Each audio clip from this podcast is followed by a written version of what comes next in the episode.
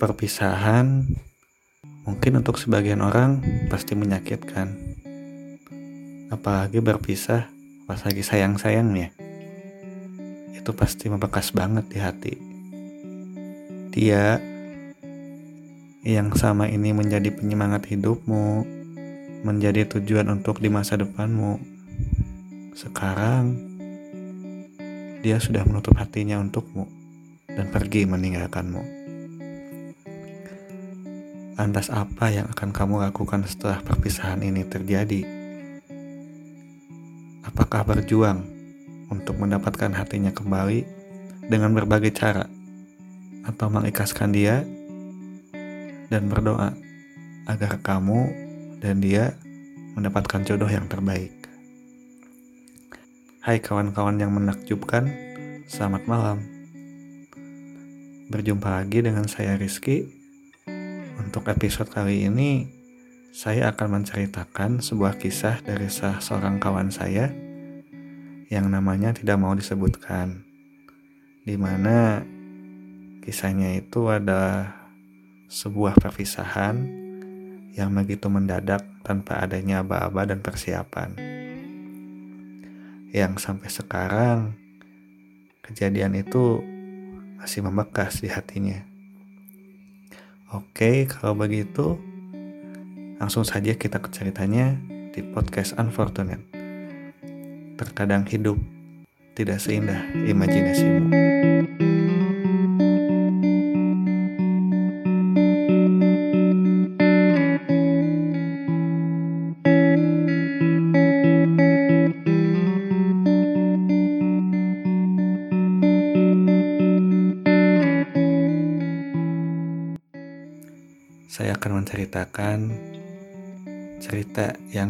Teman saya alami yang dia kirim lewat email. Ceritanya seperti ini. Waktu itu saya mendapatkan pacar yang bisa dibilang istimewa dan bahagia sekali bisa mendapatkan dia. Pada saat di masa-masa pacaran, kami selalu harmonis, saling bercanda, saling mendukung satu sama lain apabila ada kesusahan, dan orang lain pun pasti iri melihat kami berpacaran. Mereka bilang bahwa kami adalah pasangan yang serasi dan sempurna. Sampai ada suatu hari di mana belakangan ini sifat dia berubah. Yang asalnya periang dan cerewet, tapi sekarang berubah menjadi cuek. Waktu itu saya tidak berani untuk bertanya mengapa sifat dia berubah. Karena saya berpikir jika saya bertanya seperti itu akan membuat keadaannya jadi lebih buruk. Dan saya pun sebisa mungkin mencoba untuk bisa merubah sifat dia yang asalnya cuek bisa menjadi riang kembali dengan berbagai cara. Tapi ternyata tidak berhasil. Lalu beberapa minggu kemudian saya memberikan dia hadiah yaitu suatu barang yang dia inginkan sejak lama. Saya berharap dengan memberikannya hadiah itu bisa membuat dia menjadi yang kembali. Namun ternyata hal itu tidak terwujud. Pada saat saya memberikan hadiah itu kepadanya, ekspresi wajahnya datar dan seperti ada yang disembunyikan antara sedih dan ragu. Selama beberapa waktu, dia pun menghela nafas sembari berkata, "Kita udahan aja ya." Saat itu, dunia serasa berhenti berputar, seakan tidak percaya dengan apa yang dia ucapkan. Ini hanya mimpi kan? Ini bohongan kan? Ini pasti bercanda kan? Saya masih tidak bisa menerima apa yang dia ucapkan. Dia yang begitu saya idamkan, dia yang sudah saya anggap sebagai rumah kedua saya, dan dia yang sudah saya jadikan tujuan untuk menjadi pendamping di masa depan saya, semua itu pupus seketika ketika dia mengucapkan kata perpisahan itu. Entah mengapa, saya tidak bisa mengucapkan satu patah kata pun untuk menolak permintaan dia yang ingin pisah. Saya hanya bisa terpaku diam sambil melihat wajahnya yang seakan juga tidak rela dengan keputusannya. Tapi mungkin sebelum ini dia sudah memikirkannya matang-matang untuk berpisah dengan saya. Yang saya tidak habis pikir, mengapa dia secara tiba-tiba seperti ini meminta berpisah dengan saya. Yang saya rasa kita sebelumnya sedang tidak ada perselisihan sedang tidak ada yang diperdebatkan dan sedang tidak ada yang dipermasalahkan. Atau mungkin pada saat beberapa minggu lalu saat sifatnya berubah jadi cuek ke saya, mungkin pada saat itu masalahnya. Tetapi jujur, saya merasa tidak melakukan kesalahan. Dan dia pun tidak bercerita kesalahan apa yang saya lakukan yang sehingga membuat sifatnya menjadi berubah. Dengan menghela nafas, saya pun memberanikan diri untuk bertanya, mengapa dia ingin berpisah dengan saya. Dan setelah mendengarkan penjelasannya, saya pun paham dengan alasannya. Dan saya pun meminta maaf kepada dia dan berjanji tidak akan mengulangi kesalahan yang sama. Tetapi sepertinya keputusan dia sudah bulat dan tidak memberikan saya kesempatan untuk memperbaiki kesalahan saya. Yang menurut saya kesalahannya masih bisa diperbaiki dan dimusyawarahkan. Tetapi mungkin bagi dia kesalahan yang saya lakukan ini sudah fatal dan membuatnya sakit hati. Saya mohon kepadanya untuk mengurungkan permintaannya dan bisa memaafkan saya. Tetapi dia masih tetap saja dengan pendiriannya dan meminta saya untuk bisa menyetujui permintaannya. Saya pun kembali menatap matanya yang sedih itu yang mungkin ini terakhir kalinya saya bisa melihat lagi dia. Lalu saya pun dengan terpaksa mengiyakan permintaannya. Semenjak saat itu, hidup saya menjadi hampa dan kehilangan tujuan. Sempat berpikir untuk pergi ke dunia gelap, untuk minum minuman beralkohol, agar bisa menghilangkan rasa stres yang sama ini menghantui saya. Tetapi sebelum itu terjadi, saya ingat saya memiliki Tuhan dan lebih baik curhat kepadanya daripada pergi ke dunia yang gelap yang entah apabila setelah saya pergi di sana saya bisa pulang kembali dengan selamat atau tidak saya pergi untuk ambil air wudhu, menyiapkan sejadah, dan kemudian sholat tahajud. Dengan husu, saya membaca surat demi surat, ayat demi ayat, yang diakhiri dengan doa kepadanya, serta curhat kepadanya tentang permasalahan yang sedang saya alami saat itu. Beberapa hari kemudian, saya memberanikan diri untuk menghampirinya hanya untuk menyapa, menanyakan keadaannya, sembari mencoba untuk meyakinkan dia agar bisa kembali memaafkan saya.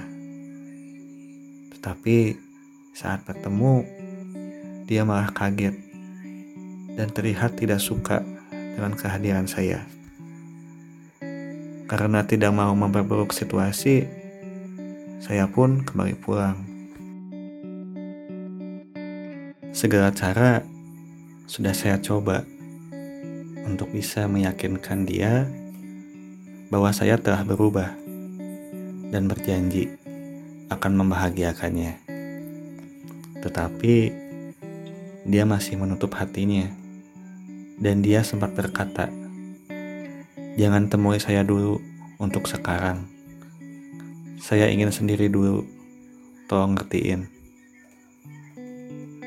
Semenjak saat itu, saya berpikir, mungkin sama ini cara saya untuk bisa mendapatkan hatinya kembali itu salah. Harusnya saya biarkan dia sendiri dulu dan merenungi masalah yang saat ini sedang terjadi. Tetapi karena sudah terlanjur, dia malah makin kecewa ke saya dan tidak mau bertemu saya dulu. Semenjak saat itu, saya pun secara perlahan-lahan mencoba untuk memahami permasalahan yang sedang terjadi dan mencoba untuk bisa melupakannya. Beberapa bulan berlalu, dan saya pun sedikit demi sedikit bisa melupakan kejadian itu dengan cara menyibukkan diri dengan kegiatan-kegiatan yang bisa dilakukan agar bisa melupakan masalah itu. Ya, kalau disebut move on, ya sepertinya saya sudah move on.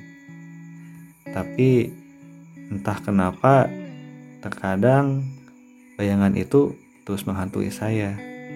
Selalu terbayang di pikiran saya tentang dia. Dan bayangan itu seperti berkata, Jangan lupakan dia. Jangan hilangkan dia dari ingatanmu. Ya, mau gimana bisa lupa? Terlalu banyak kenangan untuk dilupakan dan terlalu indah untuk diminta pergi. Saat kenangan itu hadir, saya hanya bisa bertanya dalam hati, dia apa kabar? Dia sedang apa di sana? Saya harap dia di sana selalu sehat dan tersenyum terus.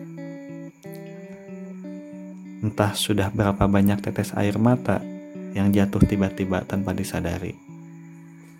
Capek juga sih sebenarnya mengingat terus kejadian itu dan luka di hati pun memang cukup parah. Merasakan pedihnya kehilanganmu, sosok yang begitu saya banggakan. Tetapi dari situ saya belajar. Saat di fase ini ada dua pilihan yang bisa diambil, yaitu berjuang untuk bisa mendapatkan hatinya kembali ataupun mengikhlaskan dia dan berdoa agar saya dan dia mendapatkan jodoh yang terbaik. Dan sampai saat ini saya tidak bisa memutuskan mana di antara dua pilihan itu yang terbaik menurut saya. Terkadang saya berusaha berjuang semaksimal mungkin dengan berbagai cara agar bisa memilikinya kembali. Entah berapa banyak usaha yang saya lakukan, tetapi hasilnya tetap sama saja dan terkadang pun saya mencoba mengikhlaskannya karena saya berpikir untuk apa mempertahankan sebuah hubungan tetapi yang berjuang hanya sendiri dan semakin melupakannya bayangan dirinya semakin jelas di pikiran saya dan sekarang saya kesal pada diri saya sendiri Andai saja waktu itu saya bertanya padanya, mengapa sifat dia berubah.